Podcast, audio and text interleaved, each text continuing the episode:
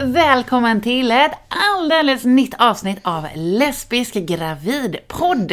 I min naivitet så trodde jag ju att jag skulle kunna upprätthålla den här regelbundenheten som nya avsnitt kom ut med, även efter att jag hade fått en bebis. Tji fick jag! Och det är ju en hel del saker som faktiskt inte blev riktigt som jag trodde att de skulle bli. Och de sakerna kommer jag alldeles snart gå in på. Men först vill jag mycket stolt presentera detta avsnitts sponsor, nämligen Nordens största bebis och barnbutik, Jollyroom! Hur grymt är inte det? Jollyroom har ju, ja men typ allt då som man eh, kan behöva när man har en eh, bebis. Och för oss som eh, snart drar till Thailand i två månader så är det perfekt att kunna hitta allt på samma ställe istället för att behöva springa omkring och leta här och där. Jollyroom har ju allting från leopardmönstrade UV-dräkter och badblöjor till bitringar, Bobo kommer ju få tänder nu när vi är borta har jag beräknat. De har solparasoller, de har svala selar och en sval sele har vi dessutom fått av Jolly Room. Vi fick välja en sele och efter att ha studerat alla existerande selar väldigt noggrant så valde vi Omni 360 Cool Air från Ergo Baby. Och den är till stor del tillverkad i mesh-tyg, vilket gör att den är sval och därmed perfekt när vi ska åka till ett varmt land. Och vi letade också efter en sele som Bobo kan sitta framåtvänd i eftersom han har en grav fear of missing out och vill se allt som händer runt honom och i denna sele så kan han det. Som selens namn också antyder, alltså det där med 360, så kan bebisar även sitta på fler sätt i denna sele. Bobo kommer kunna sitta både mot oss och bort från oss på magen, kommer kunna sitta på ryggen och på höften. Och det är ju perfekt att kunna ha honom vänd mot mig på planet till exempel. Och i denna sele så går det dessutom att amma när han sitter i selen. Det är liksom som att den här selen är gjord för våran semester. Men vi kommer även såklart att använda den mycket, både innan och efter resan. Stort tack till Jollerum för att ni vill vara med och sponsra Lesbisk gravidpodd. Och håll koll på Lesbisk gravidpodd på Instagram för att eh, se hur selen funkar när vi väl är på plats. Okej, okay, de här sakerna då, eller några av de här sakerna, som inte blev riktigt som jag trodde, kommer jag nu att gå in på. Börjar med en liten sak, nämligen napp. Jag var helt övertygad om att alla bebisar ville ha napp och att det var att sluta ha napp som var det som var lite komplicerat. Men nu har jag förstått att så är ju inte alls fallet. Bobo vill verkligen inte ha napp. Vi försöker få honom att ha napp genom att ha regelbunden nappträning. Vi har försökt med helgjuten napp i naturgummi. Vi har haft helgjuten napp i medicinskt silikon. Vi har haft sån här vanlig mataffärsnapp. Vi har en bibsnapp. Inget funkar. Han bara spottar ut den. Vissa stunder har han eh, kunnat suga på den en liten stund. Men vi kämpar vidare med detta. Om någon har något tips på hur man får en bebis att ha napp, så hit me up. En annan sak som jag tog för givet att vi skulle använda var ju vår vackra vagga. Den som hänger i taket som jag småskrutit om lite tidigare. Självklart tänkte jag att här i kommer Bobo sova från dag ett och det kommer vara så fint. Men han har eh, fortfarande inte sovit i den. Den används flitigt men eh, som förvaringsplats till Bobos mjukisdjur och mina kläder. Istället har ju Bobo från dag ett sovit i våran säng.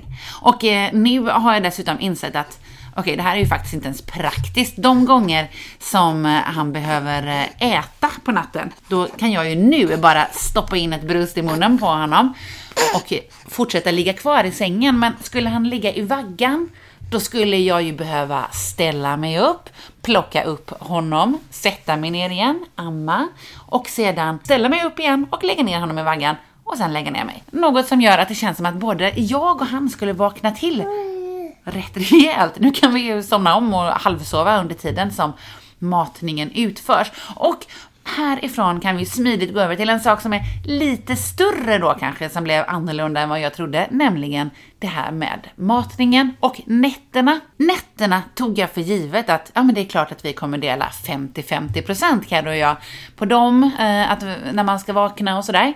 Men det har ju istället blivit 100 versus 0% till eh, min nackdel då.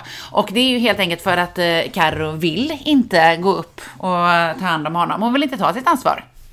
Nej, jag skojar bara. Det är givetvis inte därför, utan för att det enda han vill göra när han vaknar på natten, det är ju att äta. Och eftersom jag ammar så känns det bättre att jag helt enkelt då bara skall stoppa in min lilla bröst i munnen på honom istället för att innan ha förberett med att ha pumpat ut mjölk och sen så får Karo gå upp när han vaknar, värma denna mjölken och jag kommer dessutom ändå vakna upp eftersom han vaknar mer och mer och blir ledsen när han inte får som han vill. Och sedan så kan hon komma in och mata honom. Ja, jag vet inte. Det här var ju inte alls som jag hade tänkt. Det är ju logiskt, men ja. Och även det här med maten eh, hade jag tänkt annorlunda om. Jag trodde faktiskt att eh, det var så att inte all bröstmjölkersättning var komjölkbaserad. Eller jag hade inte fäst liksom någon större tanke på att det skulle vara ett problem att hitta. Nu när jag egentligen skulle även då vilja ge honom lite ersättning, vilket vi, ja, vi har ändå börjat med det. Men det känns så absurt att någon annan varelse ska behöva få en bebis för att få igång sin mjölkersättning.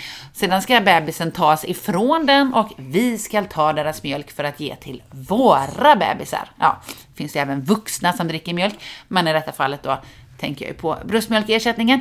Det känns inte bra. Dessutom så känns det inte bra för mig heller. Någon konstig hormonsak som har slagit till som gör att jag liksom blir lite svartsjuk nästan när han dricker bröstmjölkersättning istället. Men som sagt, han har börjat lite smått med detta ändå. Jag trodde inte alls att jag skulle fästa mig så här vid amning. Det är också en sån sak som kom som en överraskning. När vi pratade innan om hur länge jag skulle amma ungefär så tyckte jag att tre månader lät ju verkligen att ta i. Men ja, ja, jag kan väl göra det då. Nu är han ju snart fyra månader och jag ser liksom ingen, ingen anledning att eh, börja avsluta det här trevliga sättet att ge mitt barn mat på, när det ändå funkar. Hade det inte funkat och varit eh, massa komplikationer med det, hade jag antagligen sett helt annorlunda på saken. Sedan att jag trodde att eh, man skulle få massa saker gjort när man var mammaledig. Det har jag ju gått in på tidigare. Eh, nu har jag förlikat mig lite med att nej, jag, jag får liksom inte så mycket gjort och eh, det är lugnt. När jag har eh, gett upp på detta sätt mår jag mycket bättre och eh, känner mig inte stressad över allt som inte blir gjort i mitt liv. För att avsluta denna del lite till Bobos fördel så kan jag ju faktiskt säga att något som också överraskade mig är att det kunde bli en sån här helt fantastisk bebis. Att man kunde, eller att man kan älska någon så här himla mycket. Och att det var han som låg i magen. Det är ju så sjukt. Att magen bara växte och växte och så var det han. Ja, väldigt tacksam för den saken. Just nu så är det en tävling på Lesbisk gravidpods Instagram. Denna tävling är tillsammans med tanten Virkar och hon gör handgjorda ultragulliga skallror i form av djur. Och det är en sådan som du kan vinna i denna tävling. Bobo till exempel har en flamingoskallra som är superfin. Den kan du också se på Instagram. Ida, som är den som eh, ligger bakom Tanten Virkar, är dessutom även hon lesbisk. Så ytterligare en anledning att gå in och tävla om dessa superfina skallror alltså. Lycka till! Veckans diskriminering är tack och lov inte en ny kategori här i podden, men Jag tänkte att idag så är den på plats. Den är nämligen högst aktuell. För häromdagen så skulle vi teckna en eh, försäkring på Bobo. Och eh, eftersom Carro står för övriga försäkringar så tänkte vi att ja, men det är ju lämpligt att hon står för denna försäkring också. Det gick jättebra att eh, teckna denna försäkring på telefonen.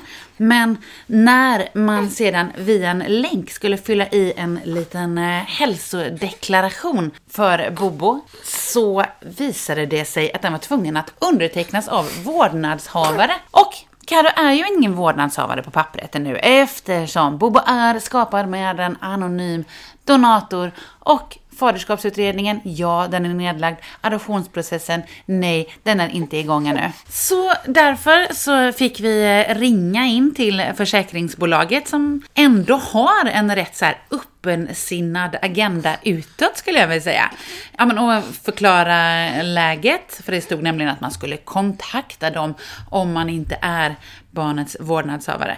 Försäkringen fick då annulleras och skrivas över på mig istället, eftersom jag då är vårdnadshavare på pappret. Rätt knäppt tycker jag, och jag tycker faktiskt att det är dags att ändra dessa regler nu.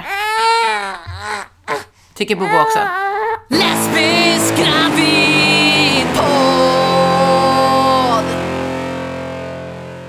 Veckans tips.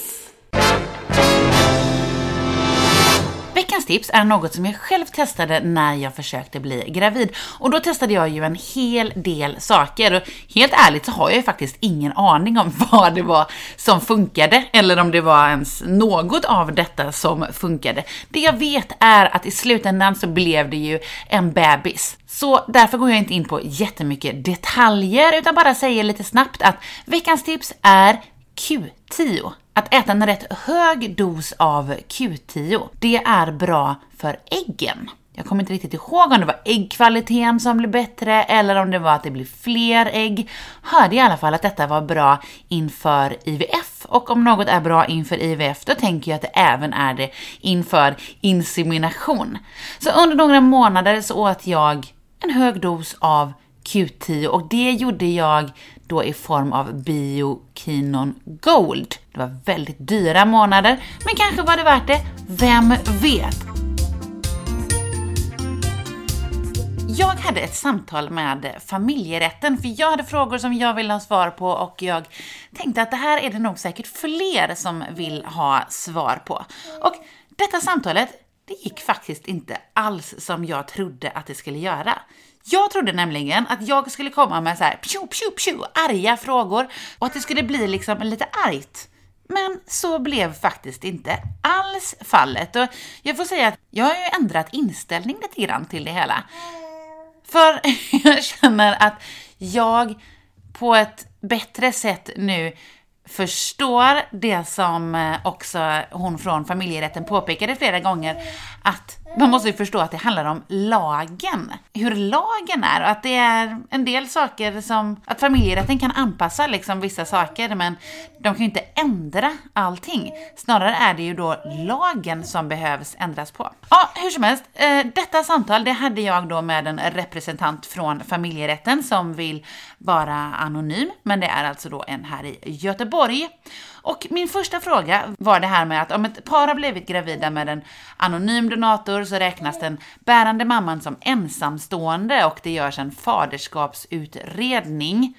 Varför görs det egentligen en faderskapsutredning när ett par är öppna med att de skaffat barn via insemination eller IVF?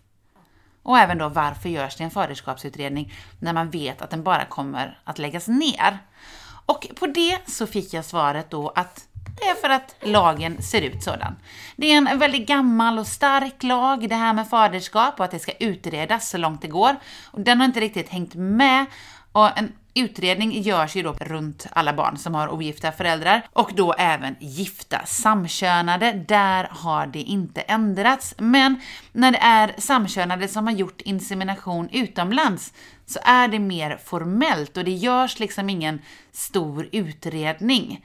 Eh, formulären ser likadana ut för alla, men det skrivs inte lika mycket. Kanske bara att insemination har gjorts i Danmark och att det liksom bara konstateras. För ett olikkönat par så skrivs det mycket mer om relationer till mannen och sådant. För oss så skriver de i utlåtande till stadsdelsnämnden att det inte finns någon förälder där på andra sidan. Det är en anonym donator och det går inte att utredas. Tydligen så har de fått lite kritik för hur, hur eh, dessa yttranden har sett ut.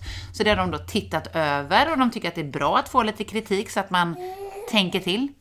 Och sedan så försöker de även ha samma person som gör faderskapsutredningen som sen har hand om adoptionen då, om det blir en eh, sådan. De som jobbar med adoption har vanligtvis inte hand om faderskapsutredningarna men tar dem då i dessa fall för att man ska få träffa samma person för att underlätta liksom. Och då så passar de på att ta lite uppgifter när man ses och pratar om faderskap eh, och behöver ofta inte ens träffas igen när det är dags för adoption tydligen. Och att det är då det är ingen stor grej, de gör det mycket enkelt och det är liksom då mycket en formell sak. Och ja, den görs då för att man måste få ett beslut på att den har lagts ner, för annars så kan man inte ansöka om adoption. Så sa hon också att det låter ju stort det här med utredning, men det är inte så mycket att utreda eftersom ja, de vet att det inte finns någon annan förälder än de två som har planerat barnet.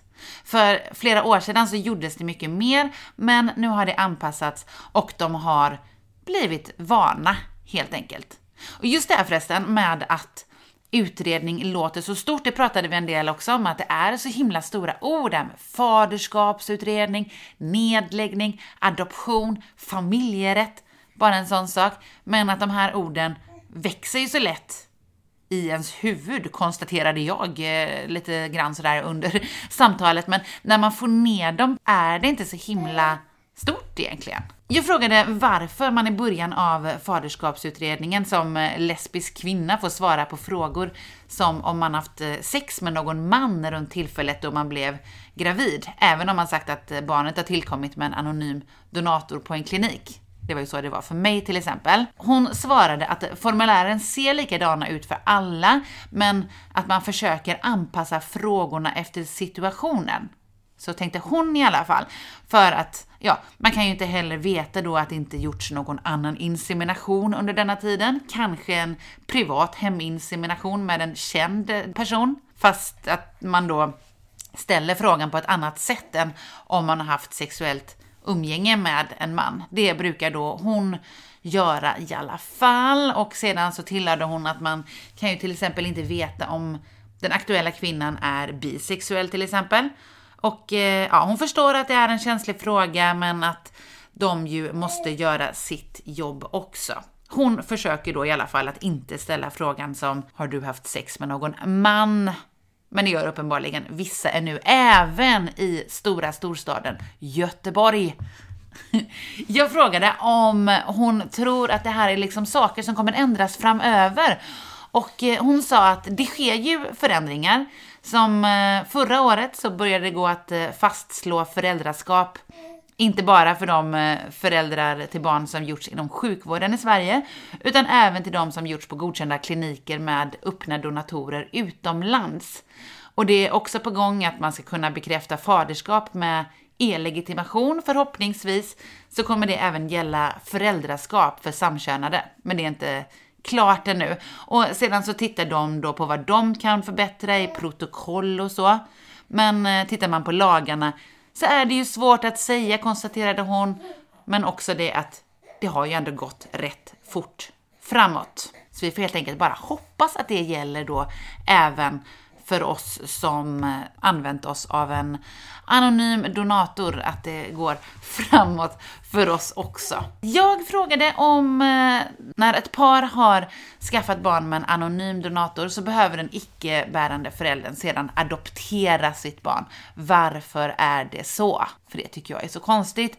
Hon svarade att det är då lagen. Det finns inget annat sätt för en icke-bärande förälder att bli juridisk förälder om man inte har använt en öppen donator. Och det gäller ju alla, men i dessa fall med eh, insemination, när de vet att det är det som ligger bakom eh, att barnet har kommit till, så gör de en helt annan utredning än vid andra närstående adoptioner. Och eh, den är då rent formell och måste bara göras, men den är väldigt liten och eh, det man går på är att det finns en stabil relation, att barnet är planerat, det finns ingen annan förälder. Jag frågade hur en närstående adoptionsprocess egentligen går till och eh, då sa hon att de som sagt försöker ha samma person då som gör faderskapsutredningen, som har hand om adoptionen, och då har man ofta setts innan och behöver inte träffas mer. Och det de tar fasta på då är som sagt att man har en stabil relation och har planerat barnet ihop. Görs det hembesök? undrade jag. Och hon sa att nej, det har vi inte gjort på länge. Det kan ske vid eh, tveksamheter, men i regel så görs det aldrig det. Och hon vet ingen kollega som har gjort det och hon har inte heller gjort någon. I eh, många småkommuner så finns det kanske inte så många sådana här fall, sa hon. Och därför kanske det utreds mer med hembesök och sådär. Jag tog upp det här med att eh, flera föräldrar som ska adoptera sitt barn är rädda för att bli nekade att få göra det. Finns det skäl att vara det? Eller vad finns det för skäl att säga nej till en adoption? Hon har aldrig hört om något samkönat par som inseminerats som det sagt nej till. En anledning som det skulle kunna vara att säga nej är om paret har separerat och inte är sambos eller gifta eftersom man måste vara sambo eller gift för att få adoptera. Eller om man skaffat barn som ensamstående och sedan träffat någon efter inseminationen och den personen då vill adoptera. Då kan man säga att man kanske ska ge det lite mer tid och prova om ett par år igen. Jag tog upp det här med manlig förebild eh, och om hon hade någon sådan. Nej jag skojar. Bara, jag tog upp det här med om, frågar ni eh, lesbiska par om barnet eh, kommer ha en manlig förebild och vad i sådana fall är anledningen till det. Då sa hon att nej, det gör jag aldrig. Det man kan prata om är ju kanske hur man ska prata med barnet om hur det kommit till och hur barnet sedan mottagits av omgivningen när det kommit och hur det ser ut med nätverket runt barnet. Men hon frågar inte om manlig förebild. Ja, jag kände att det var väldigt bra att har ha haft detta samtalet med eh, familjerätten. Som sagt så blev det så många saker som när de kom ner på liksom ord så blev det inte lika stort längre och jag hoppas och tror att man faktiskt inte behöver vara särskilt orolig för de här sakerna som har med familjerätten att göra. Och det är ju helt fantastiskt när man tittar på hur fort det har gått framåt egentligen i frågor om det här med när vi skaffar barn. Tack till familjerätten i Göteborg för att ni svarade på mina frågor. Lesbisk gravid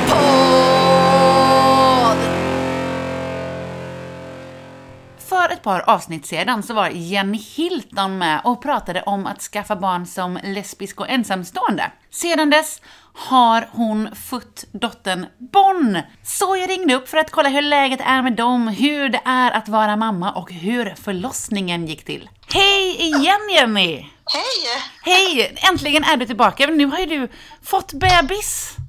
Ja, äntligen! Hur mår ni? Vi mår bra. Det är hon som ligger och smackar här i bakgrunden om ni undrar vad jag håller på med. Nej men vi mår med jättebra. Vi har börjat eh, landa lite nu. Det tar ju ett tag innan man fattar att man har blivit mamma och att man ska ha ett barn bredvid sig 24-7. Verkligen. Har du fattat det nu, menar du? Eller? Nej, knappt. Alltså, man får liksom så här nypa sig lite i armen ibland och tänka så här, fan det är sant. Ja. Hon är fortfarande där. Det är svårt att ibland ta bort eh, blicken från de här små tycker jag. Och så, ja, då börjar man, det börjar ju gå in lite men det är ändå liksom overkligt eh, på något sätt. Ja, jag tycker faktiskt det är svårt att fatta ändå. Liksom. Ja. Men det är väldigt mysigt. Ja, vad bra. Men hur är det att vara mamma liksom? Är det som du hade tänkt dig? inte för förväntningar riktigt utan det är ju bara mer en längtan man har haft och det är nog nästan bättre än vad jag hade trott det. Och man fattar inte riktigt att man har så mycket känslor förrän de här små kommer. Nej, det är så, så har det varit för mig. Alltså jag har verkligen så här aldrig haft sådana här känslor för något i livet. Eh, och det känns så himla fantastiskt att eh, ett litet barn kan eh, få en att känna så mycket. Ja, men att man kan älska någon så mycket. Ja. Det är helt... Det är verkligen ett lyckorus 24-7, även om det är dalar ibland så, så är det verkligen ett ständigt lyckorus för mig. Ja, åh. Perfekt. Men jag, jag, tänkte på det, för du hade ju tänkt på um, vissa strategier så här, som du skulle ha under förlossningen, att vara lugn och andas och så. Ja. Höll du dig till det när du födde? Hur gick det? Ja, men det skulle jag säga. Ja? Eh, jag hade ju fått ett väldigt bra tips av min syster. Det var att när man på utandningen, att man inte andas högt om man ska säga så, utan att man ska liksom andas mörkt ner. Alltså, ja, nu vill jag helst inte göra det här för det kommer låta så sjukt när jag gör det. Men, men liksom mer som en, man ska tänka att skrik inte utan det ska vara en liksom dov utandning. Det körde jag egentligen hela förlossningen och det lät ju inte klokt. Sofia skrattade så många gånger åt mig eh, för att jag lät, eh, jag vet inte riktigt vad jag lät som, men jag hörde ju mig själv att jag lät inte klok. Men det, det hjälpte jätte, jätte, jättemycket. Och verkligen bara gå in i sig själv och tänka att snart är det över, snart är det över och att det bara är andningen som är fokus. Sen skulle jag nog säga när krystvärkarna satte igång, det var då det blev lite värre. Då var det inte riktigt samma lugna jag. Eh, för då, det kom så plötsligt för mig också så att jag fick lite panik över den smärtan som jag liksom inte alls var beredd på. Nej. Men det gick ju jättebra ändå för att man får ju så fin hjälp av både eh, barnmorskor och sen eh, Sofia eh, som var bredvid mig liksom. Men eh, absolut, det, det, känns som att det är A och O under en förlossning. Ja, skönt att du kunde hålla dig eh, till det också. Ja. Inte bara släppte det.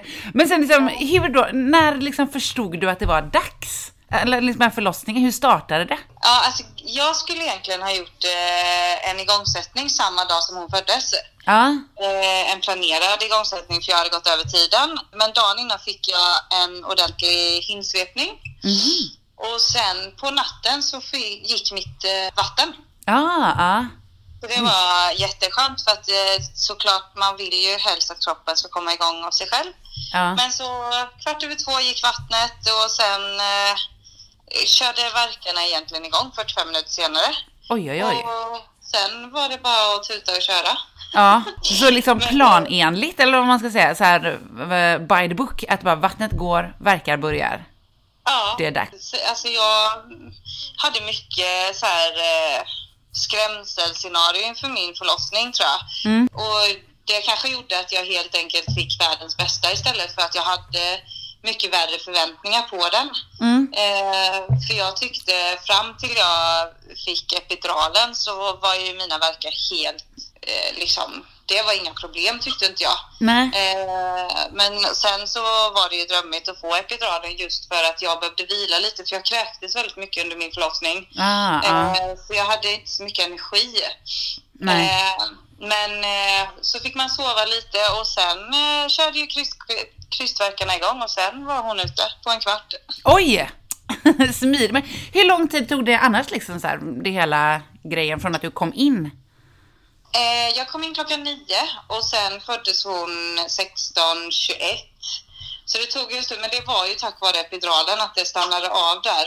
Eh, ja. Så jag sov ett par timmar mitt på dagen och sen fick jag min första krystverk fem över fyra. Och sen ja. föddes hon en kvart senare. Oj, men, men var det nio på morgonen du kom in? Ja, eh, nio på morgonen, så kvart över två på natten gick i vattnet och ja. sen klockan nio skulle jag in på och titta mitt vatten, för det ska de ju alltid göra, kontrollera. Men då var jag i full verkningsprocess och då lade de in mig direkt. Och sen två timmar senare tror jag jag fick eh, epiduralen och sen stannade det av lite. Och sen kom hon. Ah. Jag trodde nog att det skulle vara mycket, alltså när epiduralen stannade upp allting så kändes det så här, usch nu kommer det, det drar ut på tiden ordentligt. Men eh, nej, det gjorde det inte. Det var precis eh, lagom, enligt mig. Ja, men för det är ju inte särskilt lång tid. Eh, Nej, men jag tycker inte det. 9 till 4. Jag tycker det låter riktigt kort tid. Ja, men det kan nog vara så i alla fall för kanske vara förstföderska. Men eh, nej, det, enligt mig var det en drömmig förlossning. Åh gud vad skönt. Jag hade liksom både roligt och svettigt och trött och ja, men lite allt möjligt. Men eh, och gråtfest såklart när hon kom ut. Åh, Åh, så fantastiskt att det kommer ut en bebis efter allt det där. Ja, ja det är ju, alltså den stora belöningen. Ja, verkligen. Det är ju trots allt en pers att, att få ut dem och då känns det så värt när de väl kommer upp och man får se dem.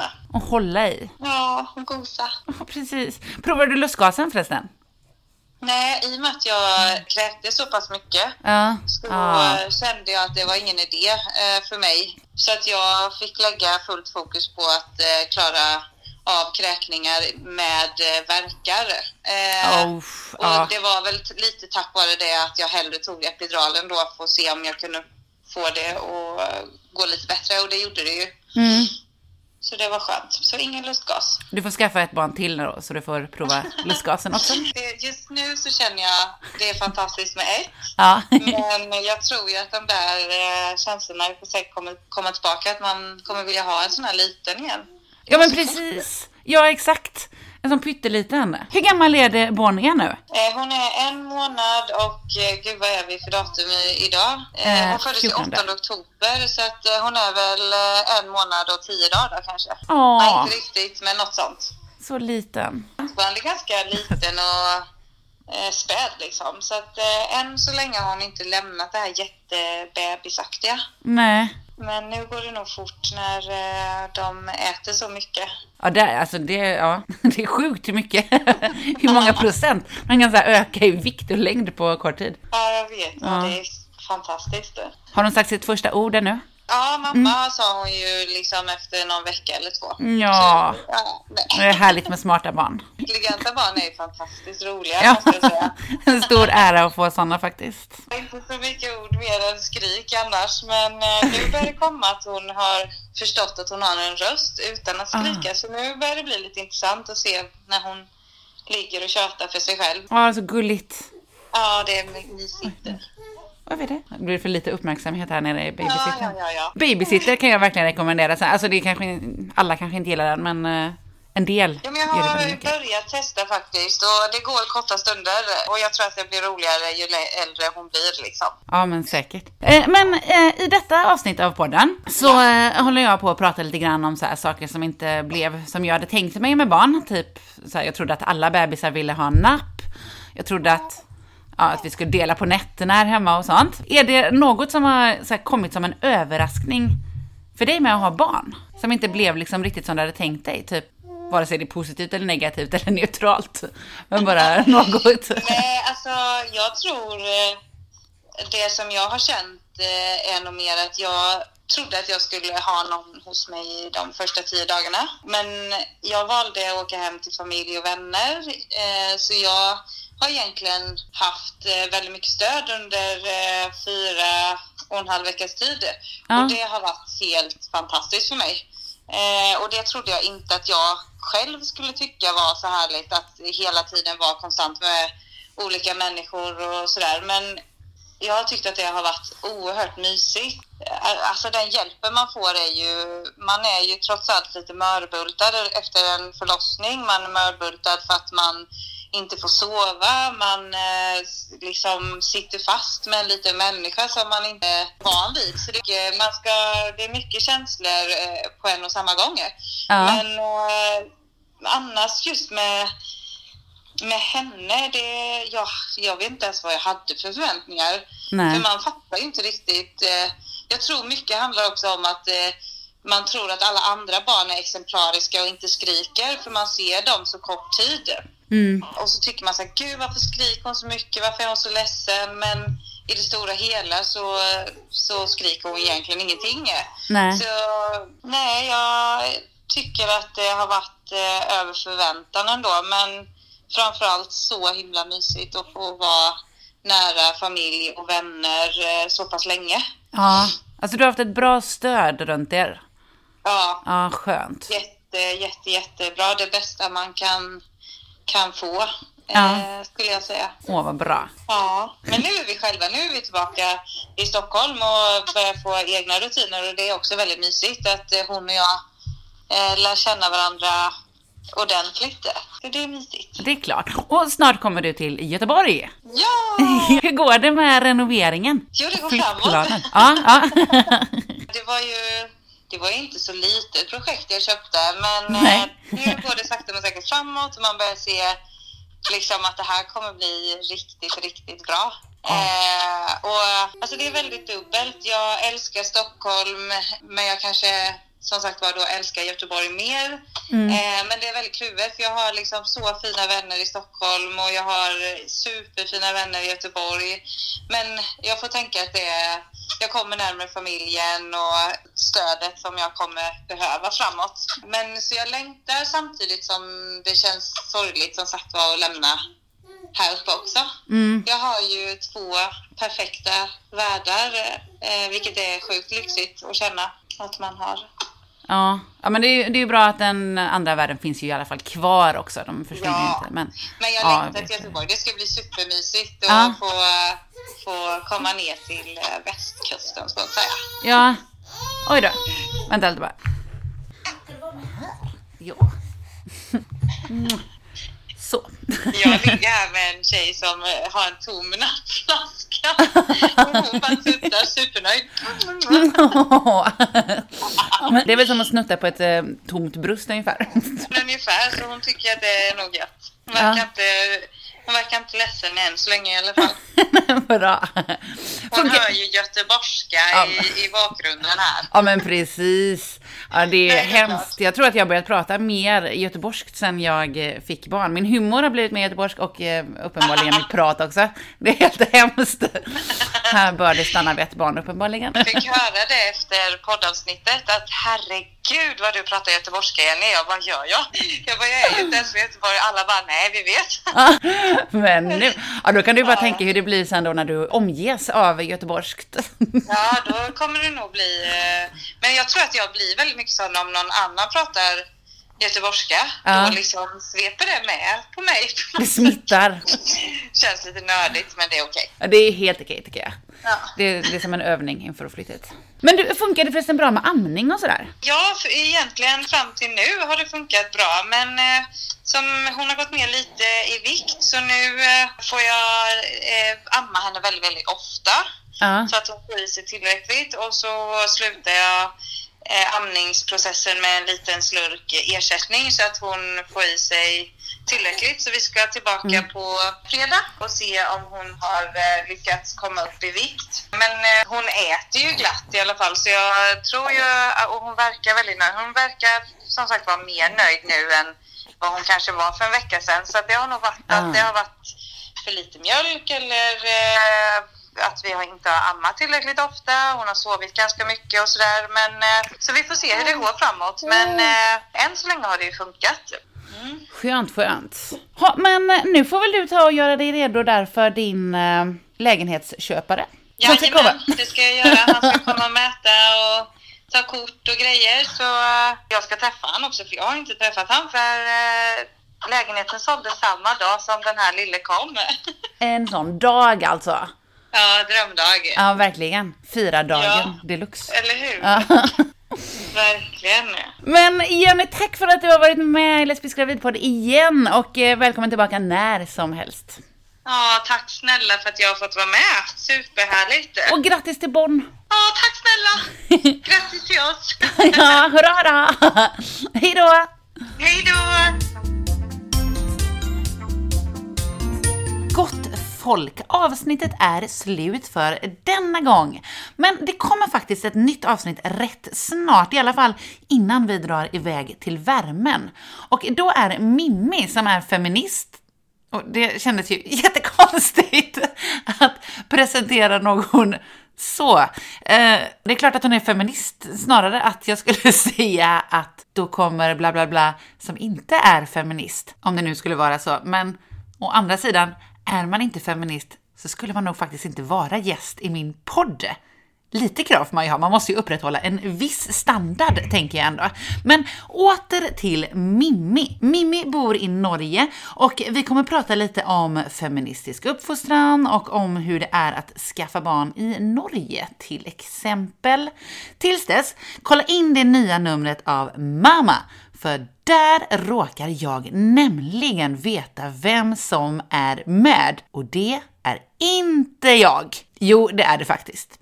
Eh, min humor däremot är för övrigt på gränsen till kränkande för mig själv nu för tiden. Jag brukade vara den roligaste jag visste och det är jag i och för sig typ nu med, men ingen annan uppskattar längre min humor. Den har blivit extremt låg och göteborgsk sedan jag fick barn. Som jag sa till Jenny också, jag vet inte vad har hänt. Varför har jag blivit så göteborgsk sen jag fick barn? Tur nog så har jag i alla fall en bebis som tycker att jag är sjukt kul i alla fall. Så jag är inte helt ensam om den saken. På lördag så drar jag till Malmö för att vara med på lesbisk frukost och prata då om ja, hur det är och hur man gör när man skaffar barn som lesbisk. Så har du möjligheten så kom dit. Det är alltså den 16 november då i Malmö. Tack för att du har lyssnat på Lesbisk gravidpodd och ett stort grattis! Va? och ett stort... ett stort, stort tack till Jolly Room för att ni har sponsrat detta avsnitt. Gå in på Jolly Rooms hemsida och spana in deras extremt stora utbud för bebis och barn. Undrar du över något vill du ha sagt, något vill du vara med i podden eller har något annat att tillägga så tveka inte att höra av dig till lesbiskgravidpodd.gmail.com eller såklart skriva DM på Instagram eller Facebook. Ta hand om dig och ha det alldeles finfint. Vi hörs snart. Puss puss! Lesbisk gravidpodd!